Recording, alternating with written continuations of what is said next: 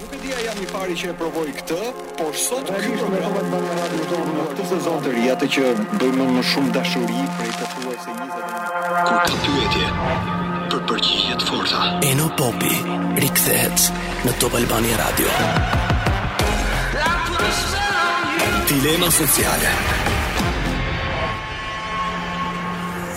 Përshëndetje të gjithëve.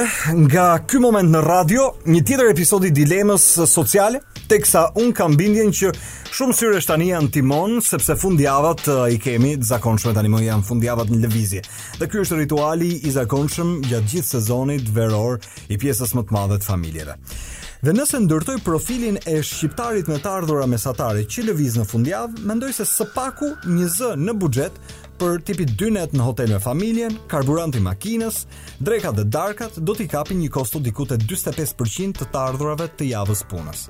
Ka dhe nga ata që po më dëgjojnë tani thotë prit o shok se shkon çik më shumë kjo punë, sepse mund të shkojë edhe fjala vjen për të mos e lënë familjen në rutinën e qytetit, mund të shkojë të harxhosh edhe gati 80% të këtyre të ardhurave javore.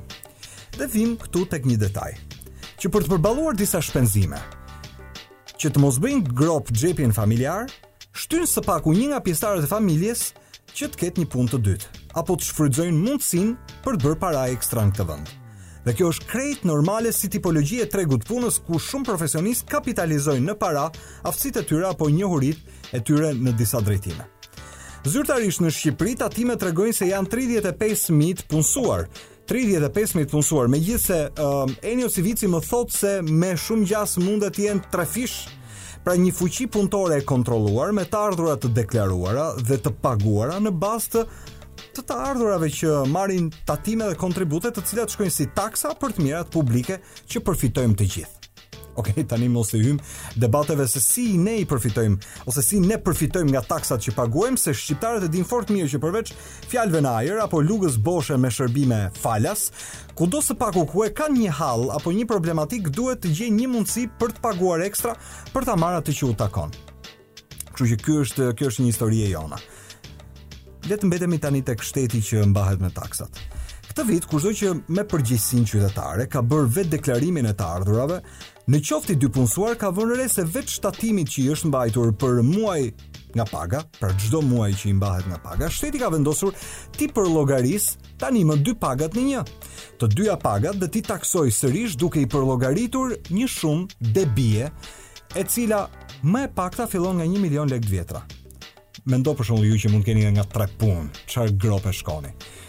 Pra, një sistem i përllogaritjes së Ministrisë së Financave dhe Tatimeve që nxjerr debitorë me një taksim ekstra krejt surprizë së paku 35.000 ose më shumë njerëz në këtë vend të cilët janë familjarë, profesionistë të angazhuar apo të lirë, intelektualë dhe kapacitete në tregun e punës që bëjnë së paku dy punë.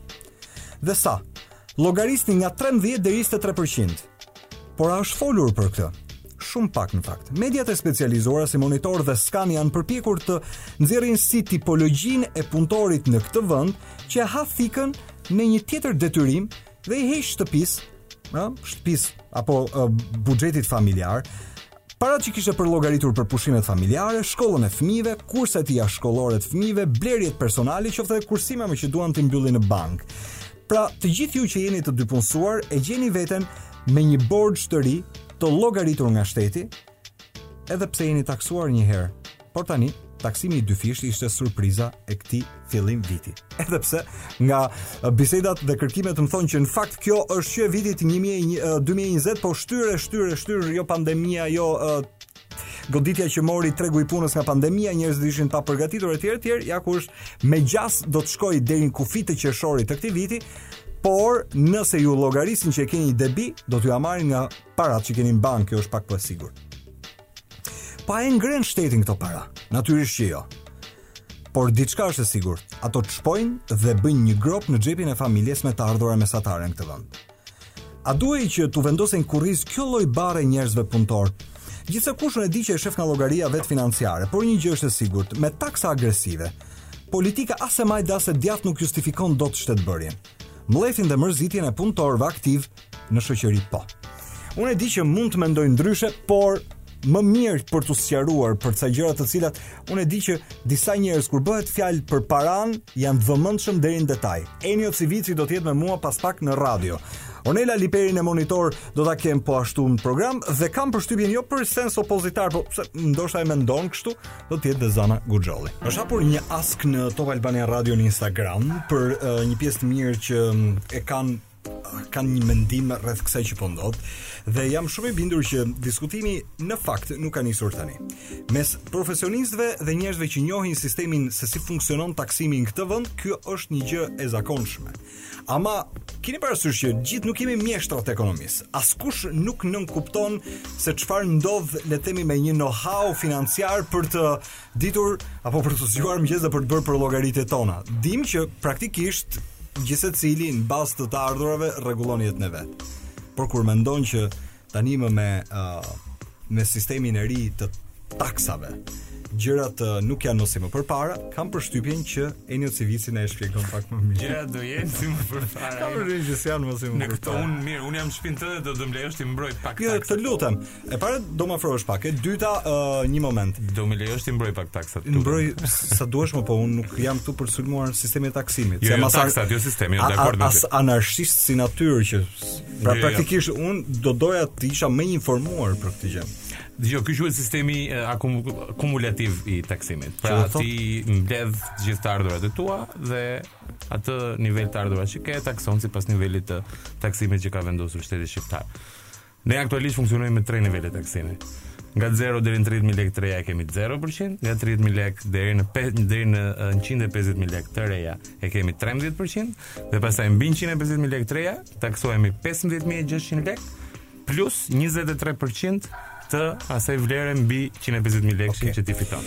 Uh, ju jeni duke dëgjuar radio për ata Edhe që mbylla me kaq jo, s'ka me kaq problem. Se mos mendojnë që uh, ti tani je drejtori i tatimeve. Ju jo, jeni jo, duke jo. dëgjuar kolegun tonë, i cili është uh, po ashtu çon përpara një prej televizioneve që në thelb merret me analizën financiare dhe ekonomike në këtë vend që është uh, TV Scan.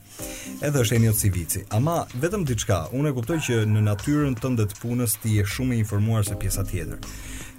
Unë vazhdoj të nënkuptoj që nuk ka pasur një lloj informacioni të vazhdueshëm transparent. Unë nuk e di a është çështja e vitit pandemik që kishim halle të tjera dhe njerëzit nuk e pa kishin. Patjetër, është është një nga arsyet kryesore. Por do duhet kishin qenë njerëz të informuar me këtë gjë. Po ky është një një ligj që është marrë në shkurt vitit 2020. Mm -hmm.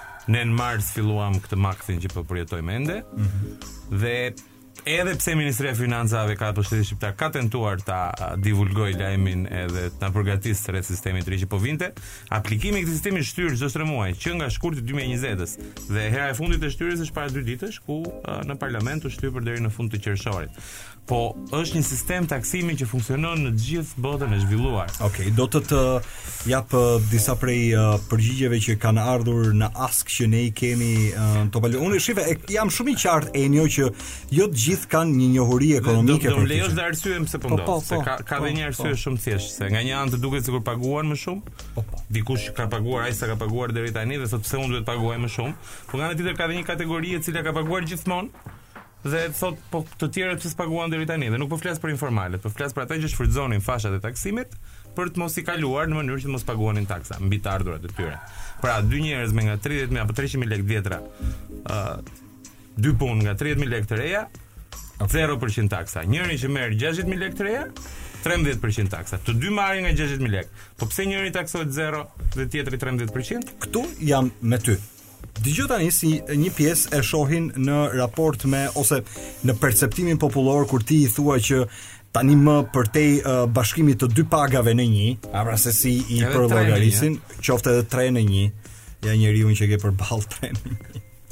Uh, Skandal thotë s'e kuptoj si vazhdon kjo qeveri akoma, dikush thotë edhe këtë e nxorrën, mendimi im është një punë ë, një punë tjetrën e merr dhe ndonjë që është pa punë, një person i dytë hajde merr vesh se si mund të operojë me një punë të dytë. Dikush tjetër thotë, unë mendoj se nuk ka lidhje nëse punon dy punë, për mua kjo quhet t'i hysh njerëzve para pra vjedhje. Megjithatë, një tjetër, pra është Një vajzë që quhet Erisa thotë, mos e merrni me kaq yrysh se kështu funksionon dhe jashtë. Dëgjo, taksimi është mënyra që kanë shoqëritë e qytetruara të mbajnë qytetrimin e tyre. Qoftë se ne fillojmë edhe e konsiderojmë taksimin si një problem që po na merr lek nga xhepi, atëherë do fillojmë ta luftojmë edhe dihet se ku shkojmë, shkojmë në anarki. Ajo që ne duhet të luftojmë është si shpenzohen këto taksat tona që është komplet temë tjetër dhe një emision tjetër. Okej. Okay. Sot Enio. ne po themi thjesht që do ju marrim gjithë të ardhurat dhe ju taksojmë të gjithë të ardhurat. Jo për uh, debat sepse praktikisht unë e ti jemi njerëz që njohim komunikimin.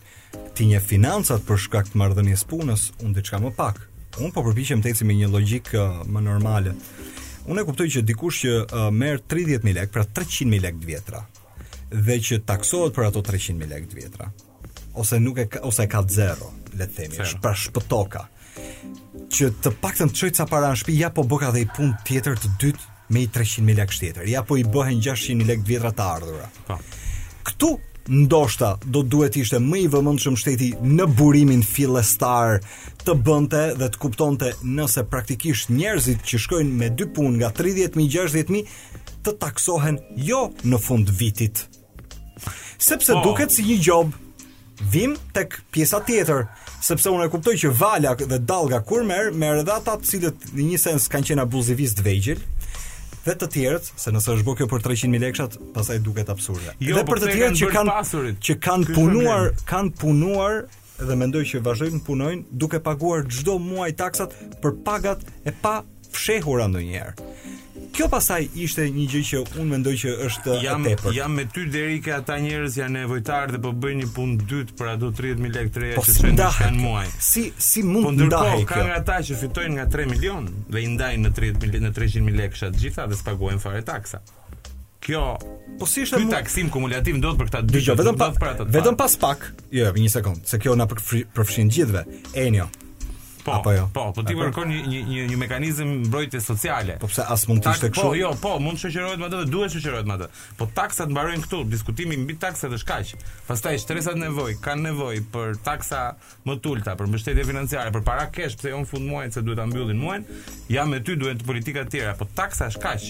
Taksa është njësoj për gjithë, është njësoj si drejtësia. Nuk mund të jetë dikush paguan taksa. Kush do të ishte tipologjia dhe kush është tipologjia e njerëzve që marrin 3 milion dhe i bëjnë uh, nga e ndajnë pagën nga 10 copa dhe merrkan nga 300 mijë. Po jam i sigurt që ata që po na dëgjojnë e kanë menduar, po sigurt kthehen person fizik. Për këtë do të flasim vetëm pas pak. Ai di pse sepse mundet të çojë në një lloj deformimi të, le të themi, ose ose s'po them deformim se s'mund ta quaj kështu, po një lloj transformimi të mënyrës se si marrëdhënia midis punëdhënësit dhe punëmarrësit të kthehet tani më jo në një kontratë punëdhënie, por në një kontratë shërbimi. Okej, mirë se u rikthyet në program. Unë uh, vazhdoj të jem uh, me Enio Civicin. Ama nëse do të futemi në një situatë tjetër të ndryshimit të tregut të punës si strukturë, i bie që do të na dalin tani, kaq janë profesionistë të fushave të ndryshme, të dalin dhe të kenë një nipt personal për të ofruar shërbim. E kanë bërë. Dhe e di, shumë. Por tani mund të kthehet e detyrueshme për të shmangur këtë uh... nuk e shmang dot. Pse?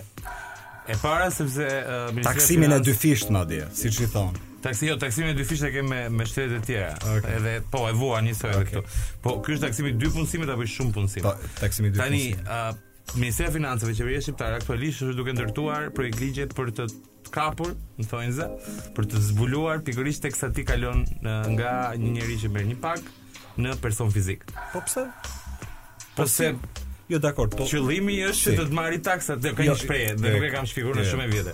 Dy gjëra ka të sigurta në këtë botë. Okej. Taksat dhe vdekja. Qartë. Asgjë tjetër. Këto janë më të sigurta. Unë s'jam as mjeshtër evazioni për këtë punë dhe as di se si bëhet kjo punë. Ka ca mjeshtra të tjerë në këtë vend shumë më të mëdhenj dhe përgjithësisht bizneset e bëjnë këtë gjë. Por vijmë pak tek pjesa e ofrimit të shërbimit. Më thuaj ti se sa njerëz sot faturojnë shumë më pak, luajnë me faturat ose nuk faturojnë fare dhe punojnë me atë që të gjithë e njohim si puna në të zezë për të shmangur një pjesë të barrës e cila me logjikën që u karakterizon dhe parat që qarkullojnë e reputojnë të padrejtë. E ke fjalën për ata që punojnë në po, po, informalitet. Po, po, po, po, të shtyr prej kësaj. Prej kësaj s'e ndajmë dot përqindjen e totalit sa e bëjmë prej kësaj. S'ta kërkova përqindjen, por un besoj që ti si tipologji do duhet të kuptosh që ekziston. Patjetër që ekziston ata që paguhen në të zezë, po zakonisht janë pagat e ulta. Qofse ti ke një pagë të lartë dhe uh, pranon këtë kompromisin që do paguhesh në të zezë, thjesht se s'do të paguash taksat, Je dyfish i dëmtuar edhe i rrezikuar nëse kapesh dhe njësoj nëse vjen dita e pensionit dhe s'ke fare pension se s'ke kontribuar. Se sa Nëse në paguaja do nëse për fjala vjen në një pagë paguan kontributet, Po gjithmonë do i paguash kontributet. po atëherë Apo e ke fjalën për pagën e dytë po po tani? për pagën e dytë. Për ata po, që aty je duke shkelur për- ligjin, për përse? ata- S'ka ndonjë- E këtë e kuptoj pra. Pra sa njerëz pra, këtë po them. Tani do duhet ta lexosh realitetin siç është. Unë e kuptoj që uh, ligjet nuk, nuk ma zëgoja ta them me vazhdimin. Okay. Po, po por ama po. realiteti po. është, është si bëjmë sikur jemi ne uh, verbër apo miop dhe mos shohim. Patjetër që është pra, po kjo i takon të gjithë administratës tatimore të merret me këtë çështje. të gjithë kohën ka njerëz që shmangen taksave dhe të gjithë kohën ka njerëz që mundohen t'i përfshijnë ata në pagesën e taksave. Gjithmonë do jetë. Njerëz që paguajnë taksa me dëshirë vështirë se ka. Dhe ne teksa tentojmë të t'i shmangemi punës dytë apo punës tretë, taksimit të punës dytë apo punës tretë, unë do sugjeroja të fillojmë edhe të merremi me si përdoren këto taksat tona. Me një kuriozitet, në cilin rast shteti kthen para këtu? Kam përshtypjen që kurr. Pothuajse në asnjë. në ligj e ka po natyrisht të detyrueshme. Por por shteti shqiptar shpesh nuk kthen as tuat, jo më të të të japi plus. Kështu që edhe ato që të ka detyrim nuk t'i kthen siç është rasti i rimbursimit të TVSH-s për bizneset. Atëherë, le ta shohim pak më makro gjithë këtë. Hajde. Sepse kjo që ka një ë um, edhe luftë midis asaj çfarë shteti merr, se shteti s'mund të jetë KÇK, por njerëzit po aq si në uh, marrëdhënie predatorësh nuk mund të jenë thjesht uh, ata që hanë goditjen. Do të përpiqen po ashtu o të mbrohen ose në një sens duke shkel ligjin që në fakt s'është krejt, s'është fare normale. Ose do marrin një lloj mase e cila mund të jetë me diku uh, një manipulim juridik, diku me një manipulim statusi, Qofse, diku po, me ca gjëra të patë. Ti arrin pra, ta ta ta thyesh. Shife tani se si pa shkelur ligjin, është shumë mirë, bravo. Shife se si sistemi i ligjit, uh, stimulon lëvizje të cilat mund të jenë tej normales. Këtë jo, nuk, nuk i stimulon ne ne jemi duke u zhvilluar gjatë gjithë kohës. Edhe sistemi i taksimit i yni po zhvillohet bashkë me ne. Dhe kalimi nga ku jemi sot në këtë sistem të ri ku ti taksohesh për çdo punë që bën, është një hap drejt zhvillimit. Është mënyra e vetme që kemi për të pasur një shtet të qëndrueshëm. Pra, imagjino një shtet që s'mbledh taksa dhe ne jemi shumë të lumtur se s'paguajmë taksa. Po s'kemi as polici, as ushtri, as pastrim, as shëndetësi. Ti do të thuash që ne gjithsesi paguajmë për këto. Po këtu i rikthehem çështjes, hajde luftojmë se si shpenzohen taksat tona. Shife, e një, jo se sa na merren taksat tona. Unë ndoshta nuk kuptoj kaq qartë në mënyrë të detajuar sa ç'ti kupton nga sistemi financiar. Ama kjo si know how, pra si njohuri e përgjithshme që praktikisht ne duhet të paguajmë taksa se taksat na mbajnë, këtë e di. Un besoj mirë do të ishte ta fusin që në shkollë fillore, po, dhe ta mësojnë fëmijët. Pra këtë e dimë ne. E vetmja gjë që un po përpiqem të them është që mënyra se si sot marrëdhënia me përgjithësisht shtresën e mesme. Duket krejt e padrejtë. Mund të duket klinike, mund të duket matematike, mund të duket aksiomatike, por nuk është normale. Nuk është nuk po është e padrejtë. Pra, cila cila do ishte e drejta? Qofse kjo është e padrejtë. Do ishte e drejtë siç ishte siç jemi tani që ti bën në tre punë dhe paguan taksa vetëm për njërën? Jo, ja, unë i kam paguar një herë taksa. Po jo jo, jo ti personalisht, e kam fjalën një e, një person që pra, bën shumica do ka bërë si ty. Do të marrësh tipologjinë time. Po, un punoj në radio, punoj në universitet, un i paguaj taksat mujore çdo muaj. Po, paguan taksa vetëm për një pagë. Për të dyja. Taksën mbi të ardhurat personale. Të për të dyja. Po veç e veç. Veç e veç. Pse do pse do duhet tani të futen të agregohen në një dhe pastaj t'i fusi një 23% qeveria dhe ca para që janë para të pushimeve të mia të m'i marrin. Kaq e thjeshtë është. Pse do duhet, nuk e di, duhet të pyesim qeverinë, po qeveria e bën dhe sistemi i taksimit është ky që është dhe sistemi kumulativ i taksimit që ne po aplikojmë tani është një nga çështjet e detyrueshme të Bashkimit Evropian. Shiko, unë vetëm pas pak do të flas me uh, Me Zana Guxhollin, natyrisht ti e njeh shumë më mirë dhe prej vitesh jo thash edhe njëherë, jo për opozitarizëm se sa për çështje të një vështrimi pak më të gjerë. Zonja Guxholli thotë le ta hapim pak diapazonin dhe thotë këto para që u hiqen shqiptarëve nga xhepat dhe sidomos familjeve të mesme janë elementë ose janë para të cilat mund të shkonin në disa sektorë, në disa shërbime, ne diku do t'i shpenzonim. Patjetër. Shife tani i heqin dhe i merr shteti si taksa, ne nuk i shpenzojmë ato. E vetmja pikë ku ne të dy bashkohemi, unë me ty domethënë, okay. është që ky nuk është fare momenti për të aplikuar në Shqipëri sistemin kumulativ të taksave. Mirë do ishte mbas 2 vjetësh të kishim marrë pak veten nga pandemia, mm -hmm. të Ndoshta të kishim regjistruar rritje ekonomike të kënaqshme personale, jo jo shtetërore se sa më shumë personale, mhm. dhe atëherë me një sistem informimi 6 mujor serioz, edukimi gjithashtu, shqiptarët do ishin gati të paguanin taksa kumulative. Dhe më beso dhe atëherë nuk do do ishin prapë duke bërë të njëjtin emision. nuk ka as nuk ka asnjëherë një moment në cilin ne do të themi faleminderit për këto taksa. Okej. Okay. Shumë shpesh herë unë gjej veten kur bë kur bëhen biseda ekonomike, sidomos biseda taksash dhe uh, përqindjesh në raport mbi tatimet dhe të ardhurat dhe mbajtjet që bën shteti, e gjej vazhdimisht veten jashtë sepse e di që Ndonjëherë mendoj që sa shumë praktikisht Gjithmonë janë shumë, edhe një lek sikur të paguash, do thua shumë pagova. Por, kjo nuk është personale dhe unë sinqerisht jam përpjekur shumë që të lë veten jashtë dhe të flas për ata njerëz të cilët gjatë gjithë ditës nga mëngjesi deri në darkë për ato pesë para që duan t'i çojnë në familje dhe të bëjnë një jetë të paktën me me një jetë normale, ëh, nuk flas me dhe nuk po jetë normale, po. kur nënkuptoj atë fundjavën që bëra hapjen e programit, ajo fundjava me me atë buxhetin javor që së paku i del për të çuar fëmijët në plazh, për këtë flas. Ky ishte qëllimi. Që vetë je fëmijë i dy prinderve që kam përshtypjen në familje janë bërë vazhdimisht biseda ekonomie, biseda është vetëm se... Ça mendim, ça mendimi kanë pas ata gjithmonë për taksat në këtë vend? Dhe kjo është diskutim tani shumë jashtë çdo parametri analize ekonomike. Ne jemi një vend që ë uh, natyrisht mirë do të ishte të respektojmë sistemin e taksimit sepse kështu mbahet vend. Po ça marrim mbrapsh është zhgënjim i madh gjithmonë. Një dysh se zero ndoshta jo, po një dysh që marrim vazhdimisht nga shërbimet tona.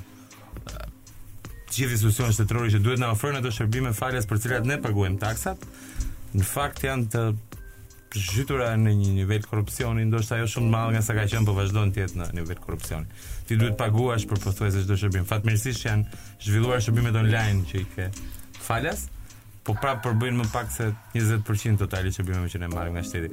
Është shumë gjynah që të harxhojmë energjinë për këtë luftën që po bëjmë ne të dy për taksimin, jo, se sa për mënyrën si harxhojmë. Unë tani, unë tani uh, ty të kam nxjerr fare nga uh, niveli i analizës uh, teknike, se sa dhe dua thjesht të të zbres Po, njerëzore, tek, tash. tek pjesa qytetare. Çfarë ndjesie mendon ti se merr ë një ë shtresë e cila thashë një herë është një shtresë vitale, kanë fuqi bëjnë dy punë, pra janë të dy punësuar, i çojnë paratë në shtëpi, përpiqen me gjatë gjithë ditës, nëse ë punojnë paradite e masdite, për të bërë ato dy paga të cilat i krijojnë një lloj standardi për familjen, fëmijët etj etj, kur kuptojnë që në një moment megjithëse mbitaksohen ose ose taksohen aq sa taksohen, le të themi tani. Nga ana tjetër kur kanë nevojën më të vogël, prapë duhet nxjerrin para nga xhepi. Neveri zhgënjim do ndjeja unë mërzi dhe ne, edhe nerva Ka një arsye pse njerëzit janë nevrikosur kur marrin shërbimin shtetëror. Besoj është ky fakt që dhe paguajnë taksa dhe nga ana tjetër s'marrin asgjë nga ato taksa ose të paktën atë që presin. Po është kosto që paguajnë për të qenë i qytetëruar, për të pasur një shtet. Se ndryshe pa taksa s'ka as shtet edhe s'e di se si do Ta do ishim ne të dy këtu bashkë tash. A do ishim duke bërë këtë muhabet pa një shtet. Ja, Po mirë. vazhdojmë insistojmë, hajde e bëjmë luftën se si shpenzohen më shumë se sa si merren. Më beso do jemi shumë më mirë. Sikur të shpenzohen dhe të maten shpenzimet e çdo takse tonë. Ti Kam përshtypjen që uh, ke hyrë në një rrugë edhe kjo duket uh, ti do kesh karrierë të gjatë në këtë gjë. Ti do ta kesh po në optikën tënde vazhdimisht se si shpenzohen paratë e shqiptarëve.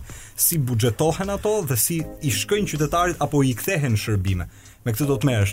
Unë të uroj uh, le të themi natyrisht gjithë të mirat po ti faleminderit që erdhe në program dhe sa herë të thërras vjen se është e nevojshme. Faleminderit ju që merreni me këtë temë e gjithashtu. Po kam përshtypjen që janë kaq kaq të zakonshme dhe të prekshme. Gjëra që po- shteti shqiptar në 6 apo vitin e fundit për ditë. Ne kur e e, e diskutuam këtë taksën akumulative me kolegë thamë me vete, "Ore, pse nuk flet dhe nga kërkimet e mia më rezultuan që ju keni folur në Scan, revista Monitor ka shkruar, po janë elementë të specializuar për uh, le të themi leximin ekonomiko-financiar të buxheteve.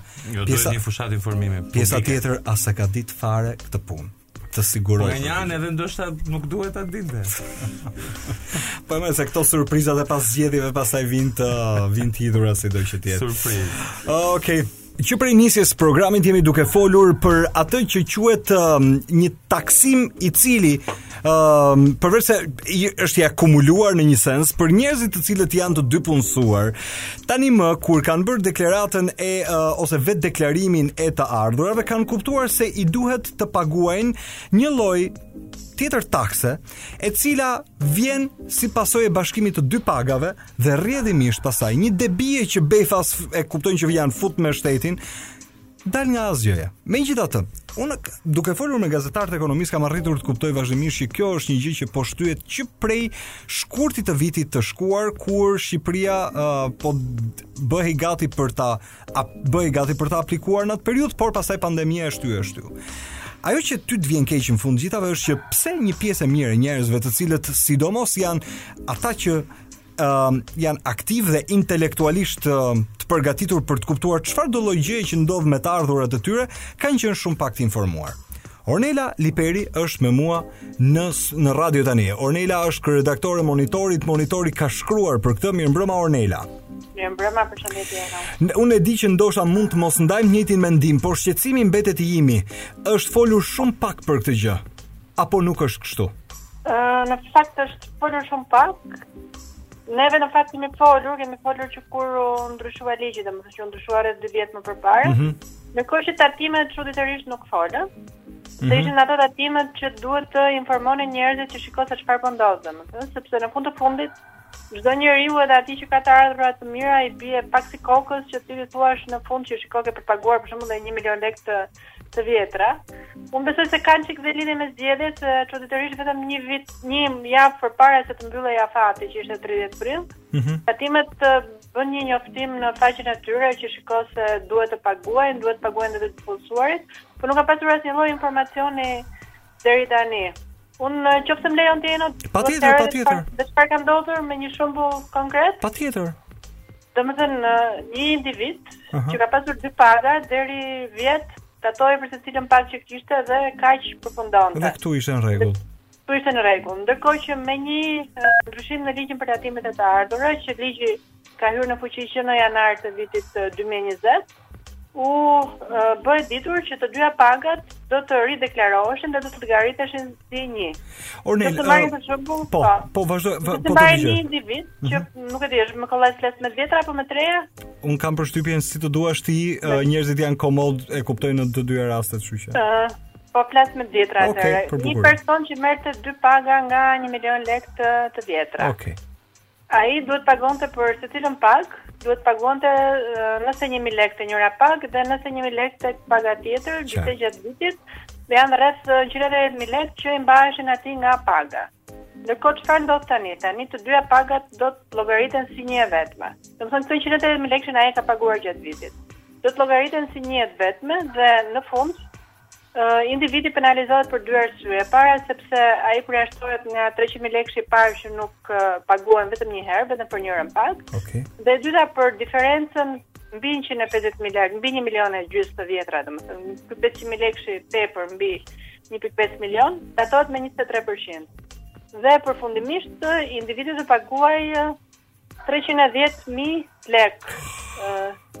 Domethënë që bie që do të paguajë edhe 70% apo një diferencë dhe 70% më shumë, që normalisht çdo personi domethënë, unë e thashë dhe një herë domethënë që... Nela, dëgjo, dëgjo, t'i thuash njerëzve ti, pa patjetër, po t'i thuash njerëzve tani në këtë moment, Gjithsecili ka lekët e veta të llogaritura në bankë. t'i thuash po. dëgjo se këto para ti do duhet tani t'ia paguash shtetit kur ke bër krejt në në në uh, respekt të ligjit këtë vetë deklarimin. Po. Kjo pastaj duket e tepërt. Megjithatë vim pak tek kjo pjesa un këtu bashkohem me ty, po diskutoja edhe me Enio Civicin pak përpara. Megjithatë vim pak tek një moment. Ëm um, Ju thoni që vetë deklarimi në respektim të ligjit ka pas afatin e vet. Por ma shpjego pak, unë besoj uh, ti e kupton më shumë më mirë, vetë sistemi i uh, taksave kur bën deklarimin e taksave e ka gati tanimë shumën që ti do duhet t'i paguash pa deklaruar fare ne. Pra po. në në në nëpërmjet gjithë informacionit që ka, ë, sistemi i deklarimit që tanimë është i unifikuar dhe ata e kanë pra praktikisht e kanë të qartë. Në momentin e parë që ti hyn dhe vetëm bën plotësimin, jo se del aty, a e kanë pasur le të themi të përllogaritur që përpara këtë gjë. Kam përshtypjen sikur kam përshtypjen sikur shteti tanimë ka ngritur një shumatore të pritshme për ta akumuluar le të themi dalëngadalë e kanë qartë ata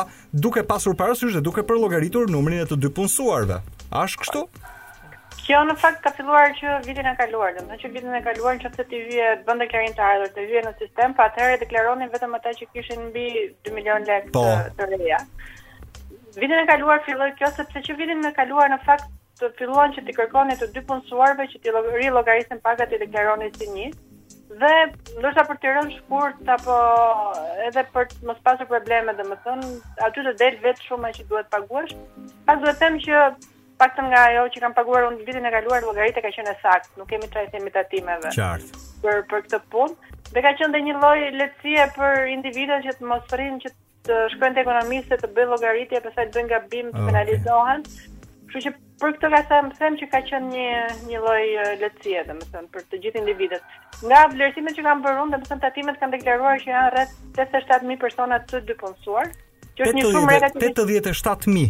87000 të dypunësuar, okay. që është një shumë relativisht relativisht shumë e lartë.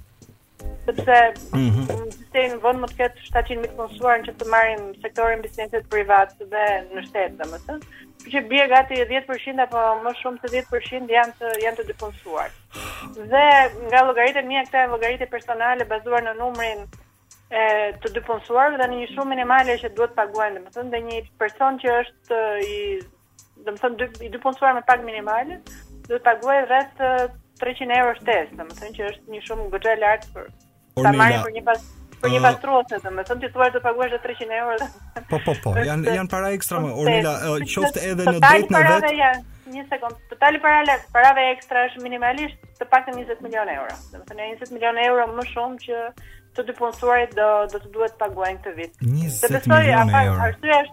Shtyrjes ishte sepse ka pasur shumë paqartësi nga nga biznesi, nga të dypunësuarit, domethënë nga individët dhe prandaj kanë shtyrë dhe dy muaj. Okej. Okay. Tani kam vetëm një pyetje të fundit dhe unë e mbyll me ty. Pa. Po. A ka gjasa që uh, duke e parë kështu, ka njerëz që thon kështu funksionon dhe jashtë, megjithatë unë nuk bie dakord se ka plot shtete të cilat kur kuptojnë që mbitaksojnë, pra fjala vjen po. të kanë marrë nga një pagë, të kanë marrë nga pagat e dytë nuk kam pse bëjnë këtë unifikimin apo uh, mbi vendosjen ka plot shtete të cilat kthejnë para mbrapsht. Në rastin e Shqipërisë s'ka ndodhur ndonjëherë kam përshtypjen që s'i kemi në këto shëmbuj, që befas dikush në sistemin e taksimit edhe në kohën e Berishës apo edhe a, më vonë, befas kuptojnë që të kishin marrë shumë edhe po t'i kthejnë mbrapsht. Jo, tani vim të...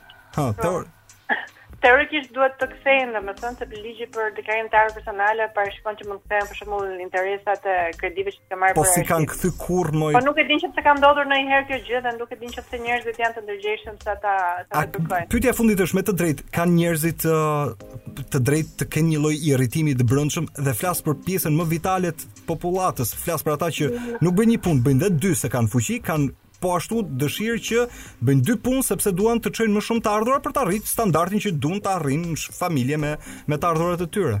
Po në fakt kjo gjë është mund duhet ta shoh nga dy këndvështrime. Uh -huh. E para, domethënë arsyeja që argumenti që dhan tatimet është që kjo është një barazi tatimore, domethënë një individ që 2 milion lekë të vjetra për shembull i ka marrë uh, mm -hmm. në një punë, gjatë vitit ka paguar më shumë, ndërkohë që ai ka marrë që i ka marrë në dy punë, gjatë vitit ka paguar më pak dhe tani po paguan diferencën. Pra ajo dua që të them unë që tatimi prej 23% që paguajnë ë, uh, mund të themi shtresa e mesme, domethënë ajo që merr më shumë se 150.000 lekë të reja në muaj është absolutisht shumë e lartë. Domethënë, në rajon është patjetër e lartë, dhe debati tjetër është që çfarë është shtresë e mesme, domethënë, se sot një pagë prej 150.000 lekë është domethënë thua që është një, është një pagë normale, domethënë, nuk është një pagë që thua që ti ta taksosh, dhe për më tepër që bizneset sot taksohen zero. Dhe ajo që ka ndodhur është që kjo normë e lartë tatimi, dhe tani dhe më tepër ky fakti që do u marrin më shumë para të dypunësuarve, ka nxitur një, shte, një skemë evazioni apo shmangieje shumë të lartë, okay. sepse shumë veta kanë dalë nga skema e sigurimeve shoqërore dhe kanë hapur biznese private. Me këtë do të flas për këtë do të flas vetëm pas pak me Zana Guxhollin. Kam përshtypjen që do të ketë një lloj metamorfoze edhe të uh, le të themi të profilit të uh, punëmarrësit në të ardhmen, ku mundet të jetë uh, midis një punëdhënësi e punëmarrësi të ndryshojnë tani edhe format se si mund të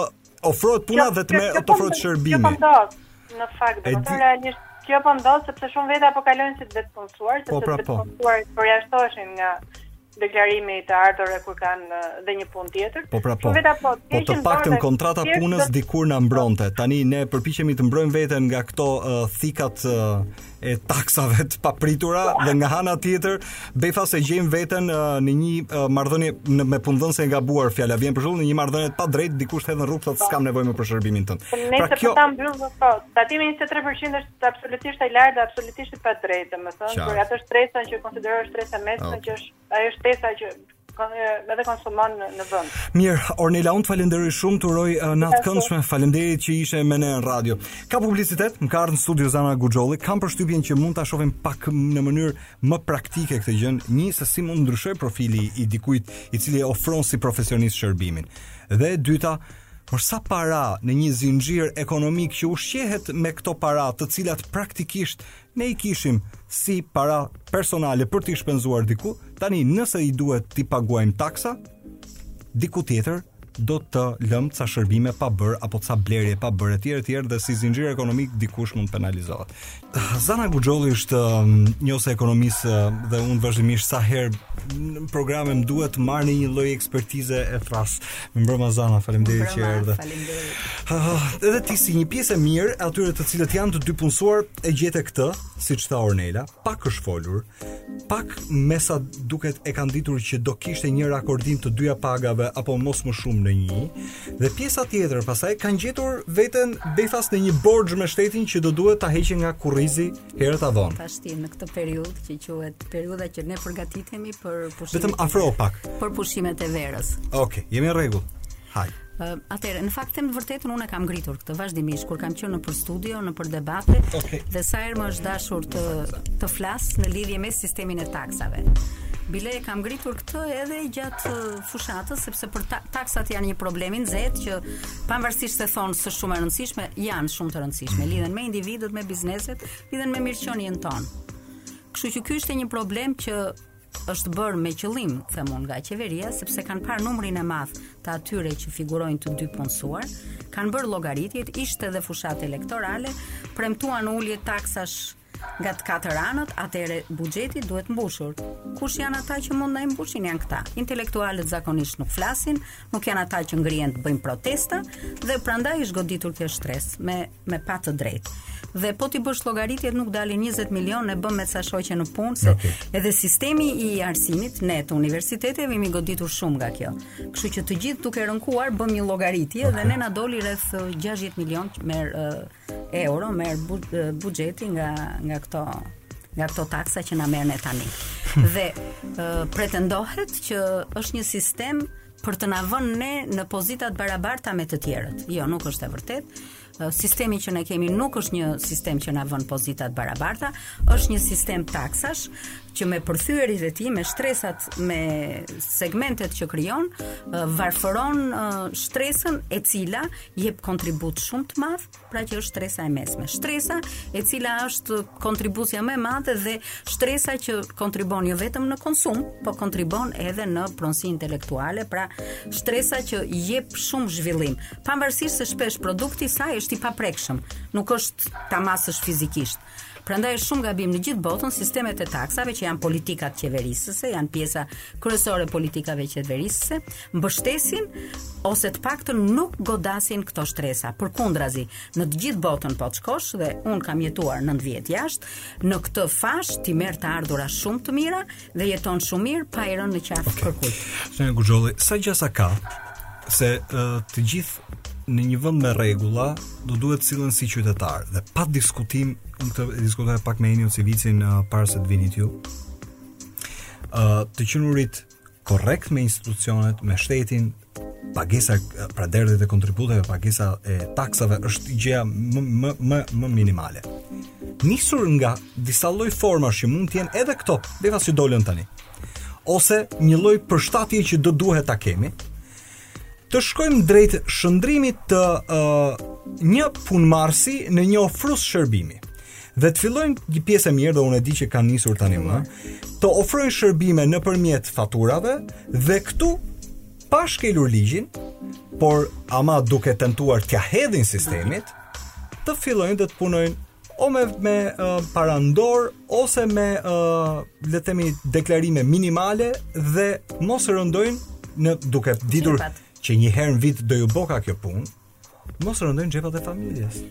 Po, e thatë shumë bukur, është sjellja njerëzore në përgjithësi, sidomos kundrejt pagesave është të ruhet dhe t'i minimizojë ato. Taksat janë siç ka thënë, siç është thënë që një gjë është e sigurt, vdekja dhe taksat. Vdekja dhe taksat. Nuk ka gjë që s'taksohet në çdo sistem, në çdo në çdo vend. Kështu që atëherë është vetëmbrojtja që krijon, fillon të krijojë qenia njerëzore. Dhe ku e krijon këtë vetëmbrojtje? Atje ku ka boshllëqe në ligj. Dhe në këtë rast, përveç kësaj shmangies, pra që do të rrisi informalitetin, të atyre që bëjnë punë të dytë, që do kërkojnë të paguhen në të zezë, që të shmangin taksën, nxit edhe një fenomen tjetër që un kur kam vajtur në Hungari në 97-ën, kam jetuar dhe punuar 9 vjet atje. Mm -hmm. Jam çuditur që shihja gjithë kolegët e mi kishin hapur nipte dhe ishin si me qen punëdhënës, ishin qartë. Ofronin shërbim. Shërbim nuk ofronin, edhe po kjo. Po çfarë ofronin? Ti nuk mund të ofrosh shërbim se po ta regjistroj biznesin tamam, un bëj biznes tamam. Po çfarë shërbim intelektual fjalë vjen në jo, universitet? Jo, bënin sikur ofronin shërbim, por dhe në këtë regjistrim ata amortizonin gjithë shpenzimet e tyre dhe ta zëmë pagoja faturat e dritës i fusja si fatura të kompanisë sepse adresa ishte shtëpia ime. Ah, po po i vija një rrogë vetes.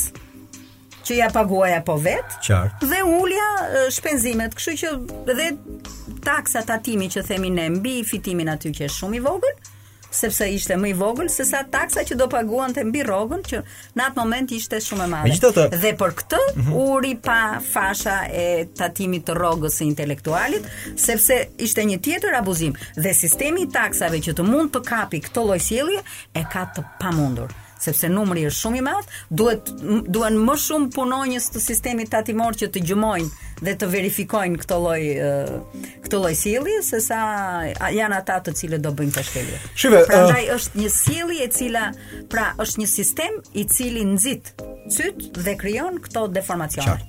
Sa llogarite ti? 60 milion. Tani 60 milion. Në të drejtën tuaj gjashtëdhjetë milionë të të gjithëve. Mundet t'i kishit lënë lirisht për pushime, në shkollim fëmijësh, në shërbime personale, në blerje çfarë t'jua dojë zemra, t'i kishit fut në bankë për t'i kursy, gjithsecili bën ça do me lekët e veta. Mendoni sikur tani këto të ndikojnë në sektorë të tjerë. Xhanëm ku jetojmë në një, uh, si me thënë, proces zinxhir ku gjithsecili përpiqet që dikush shpenzon, dikush diku merr dhe kështu rrjedhimisht lëvizim gjithsecili jetën jetën tonë të përditshme. Po sikur këtë biodiversitet ekonomik në një sens. Është zinxhiri i krijimit të vlerave. Fillojmë ta dëmtojmë. Ku po shkojmë? Po ne të tjerët që mbahemi me pagat tona. Do të kishim çuar para qoftë edhe për të parë ca koncerte. Do të kishim çuar para uh, për të bërë ca pushime ndoshta disa ditë më shumë do të kishim çuar para për um, të parë një nivel ndoshta më të mirë për fëmijët të shkollimit apo kurseve jashtëshkollore. Do kishim çuar para në shumë shërbime të cilat janë pjesë e rutinës tonë. Por tani me sa duket do duhet me rrudh dorën. Kur ka një mbivendosje të taksimit dhe befas një moment ti kupton që i ke borxh shtetit ca para, atëherë këto para natyrisht për të qenë korrekt me shtetin, nëse ti s'ia jep shteti t'i merr vetë, por nuk i kemi dhe këto shërbime diku ndërpriten. Ky ishte meraku, zonja Guxholli, që do të filloj në këtë ekosistemin financiar të ketë goditje. E ke kuptuar, e ke ndjerë shumë shumë bukur pavarësisht se nuk je i profesionit, në gjuhën tonë vetëm afrohu pak. Në gjuhën tonë ajo thuhet uh, ulje konsumi. Ulje konsumi. Dhe ulja e konsumit është dëm për ekonominë. Pra, qeveria nuk e kupton që duke ulur konsumin e gjithë këtyre e këtij numri të madh një armate të tërë klasë të klasës së mesme ajo dëmton ekonominë në tërësi Pse? E thatë juve shumë bukur. Unë të shtoj dhe ca të tjera, se duke qenë grua, Qartë. shkon, do shkosh të të presësh flokët, t'i lyesh, Shërbime. shërbime, do shkosh, do marrësh një grua të ndihmojë në punët e shtëpisë, se njeriu gjithmonë tenton të përmirësojë kushtet e jetesës. Qartë. Ë, është një zinxhir i pafund mini biznesesh që je, mbijetojnë në saje të shtresës së mesme, të konsumit, të shpenzimeve që bën shtresa e mesme. Shto të gjitha ato çfarë thatë ju, Të tjera shërbime dhe shpenzime dhe konsum që bën shtresa e mesme ti i rrudh dhe ka filluar tendenca e pakësimit të këtyre të këtij lloj konsumi, pra të këtyre shërbimeve. Pse? Sepse një të kanë ikur paratë, s'i ke dhe s'ke si t'i shpenzosh, e dyta është sjellja njerëzore që në momentin që shef që paraja i mbarohet dhe nuk ka burim për ta shtuar atë, rrudhet tërhiqet. Kështu që do ta ndjejë qeverisja në të dhënat ekonomike, në uljen apo në ngritjen e konsumit. Ë tjetër gjë pra që thashë unë është që ndërsa ne paguajmë 23% Qa? mbi pagat tona, të, ata shumë të pasurit që thotë që do t'i taksojë më shumë, paguajnë vetëm 8%. mbi dividendin, mbi fitimin që e marrin nga kompania si rrogë, siç marrin rrogën, ata marrin fitimin dhe e çojnë në shtëpi. Atëherë ku është ndershmëria? Pra kjo nuk është për ndershmëri dhe nuk është një sistem që mua më vë të barabartë para tij, po përkundrazi është një sistem që krijon një disproporcion, një disnivel në dëm të individit, në dëm të ekonomisë. Po të pyesësh, shpjegimin që kanë institucionalisht është kështu. Nëse të dypunësuarit me një pagë reference minimale, 300.000 lekë të vjetra, ku kishin zero taksimin, tani nga dy paga pra 300 e 300, pra fjala vjen 300 uh, turni i parë, 300 turni i dytë, ka njerëz që bokan edhe dy punë Po, në drejtim vet. Edhe tre mund të bësh. Po edhe tre hajt. Po ke, po, takat. Po e rëndësishme është në thelb është që tani për shkak se kanë parë se paga e vogël nuk qëndroka më e vogël, pra nga 3 bëhet 6, atëherë tani fillojnë këtë taksimin e 6-ës famshme. Por Ajo që diskutoja me Enio Civicin është a nuk do duhet kishte në fakt një analizë pak më sociale në raport me analizën matematikore. Pikërisht, sepse Shqipëria është një vend që renditet i fundit në Evropë për të ardhura individuale për frymë. Pra, ne jemi atje ku thërret qameti, në, krahasim me gjithë vendet e tjera. dhe çdo qeverisje objektiv të parë të saj duhet të ketë rritjen e standardit të jetesës të qytetarit. Dhe si rritet arritet krejt normale nëpërmjet përmirësimit të sistemit të të ardhurave. Si përmirësohet sistemi i të ardhurave? Duke rritur rrogat dhe duke komanduar taksimin në mënyrë që këto para të ngelen në dorë individit, që ky individ të konsumojë dhe në këtë mënyrë ndikon dhe dhe kontribon në rritjen ekonomike të vendit. Qeveria me këtë lloj politike bën vetëm frenim të kësaj sjelljeje që normalisht duhet të ishte e tillë. Tjetër, nga Banka Botërore mbi 41 gati 41% e popullsisë shqiptare jeton në varfëri relative. Me thuhet 5 dollar për familje, po në fakt për individ se familjet që janë në varfëri janë të mëdha, llogaritë si janë. Prandaj ti duhet të synosh të nxjerrësh nga varfëria këtë pjesë, Dhe kjo nxirret nga varfëria duke mos prishur zinxhirin e shërbimeve. Ekonomike. Asaj shumësie modeste si milingonat që kontribuojmë ne shtresa e mesme. Tjetër, kjo shtresa e mesme, që është bërë e mesme, ka investuar, ka harxhuar para të shkojë në shkollë, të bëjë kurse. Si do t'i marrë mbrapsht këto para? Duke punuar, duke qenë se sistemi i pagave është i tillë që nuk e nxit dhe nuk e lë të bëjë një punë, atëherë njerëzit e shkretë japin kohën e tyre të lirë, rrinë më pak me fëmijën, rrinë më pak me gruan, kanë më pak kohë të pushojnë dhe përpiqen të vetëngrenë standardin e jetesës, kur është detyrë kryesore dhe themelore e qeverisë. Okay. Më thotë një koleg, um, për shkak të dypunësimit, puna në televizion, pastaj uh, një punë tjetër po aq si ekspert, i ishte dashur që uh, me një përllogaritje të tani më të taksimit të ri, të dy pagave të mbivendosura dhe një taksimi final, të paguante diku tek 2 milionë e 100 sa mijë lekë. Dhe më tha, koha me fëmijët që do të kisha çuar në plazh, befas në një moment, ë uh, në Zero. momentin në një moment që shteti vendos do të se i ngrijnë ato para nga banka ose t'i marrin automatikisht tani më. Zero. Është penale ajo. Po s'pagove taksat është dënohesh deri në burg. Bile të gjithë vendet kështu e kanë sistemin. Qartë ja. Dënohesh. Prandaj do t'i paguash se s'bën. Jo, Por ti kohën me fëmijët e humbe dhe fëmijëve kënaqësinë për t'i gëzuar me çka kishe premtuar, nuk e arrin dot. Pra, është një goditje e gjithanshme, ekonomike, godet një klasë të caktuar, prish sistemin, mm. strukturën klasore të shoqërisë, financiare, tjetër Çfarë bëre? Ti këta njerëz i fut në një pagesë që i tmerron në fund, se njeriu s'e ka parashikuar t'i heqë dhe këto para tani në fund. Dhe dhe kjo është tronditse. Atëherë çfarë pret dhe këtë e bëre mbasi mbarove zgjedhjet. Pse s'e bëre që më përpara ligji ka gati 2 vjet që ka dalë. A mendon që do të kishte kosto? Po. Jo. Po. Unë jam i bindur. Po. Këtë, Sepse shtresa gri që vendos zgjedhjet Është kjo stres që u godit. Ndoshta. Në analizën tuaj edhe më politike. Un po thosha jam i bindur që njerëzve po t'u përmendësh parat, është pak a shumë e sigurt që kanë një lloj alerti.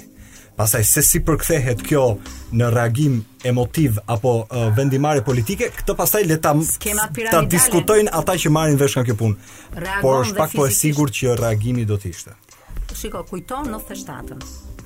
Çfarë revolte pati, çfarë ngritje në këmbë? Po normal, se i prekë njerëzve. Skema piramidale se iu preket xhepi njerëzve. Nuk ka element më të ndjeshëm se është e lidhur me shumë gjëra.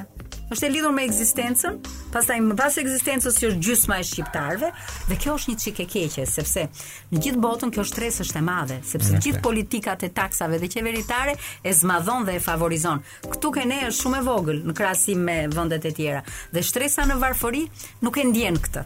Okay. Prandaj nuk ka reagim aq të fortë siç do të kishte dhe siç kam parë në Hungari, siç bën Greqia, siç bëjnë vendet fqinje, për çdo gjë shkelje në të drejtat e tyre, prekjau paret të shikosh se ç'ndodh. Ndërkohë, um, un jam me zonjën Guxholli për ta mbyllur gjithë këtë.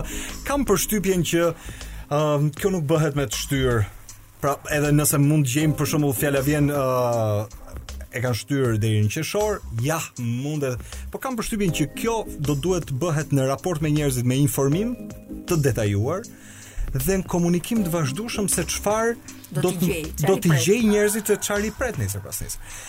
Nganjëherë surprizat janë më të hidhura kur njerëzit i dinë ca gjëra paraprakisht marrin dhe ca masa. përgatiten. Jam shumë dakord me ju, nuk është bërë asnjë lloj informimi. Unë thashë e dija sepse unë jam njeri që deklaroj që në 2010-ën kur u vendos taksa dhe e kam të hapur fajlin dhe e bëj çdo vit dhe e dija. Megjithatë të them të vërtetën, me dhimbje të madhe i kam bërë pagesat, edhe vjet edhe sivjet. Okay. Kështu që njerëzit kanë të drejtë të informohen nga qeveria okay. për çdo gjë që ndodh. Ju falënderoj që erdhët në program kënaqësi. Ha, natën e mirë Zana. Ne kemi ardhur në fund të Dilemës. Ju urojmë të gjithëve që të keni uh, një fundjavë të këndshme, edhe pse në të përditshmen ky vend prodhon dhe dhimbje koke. Natën e mirë.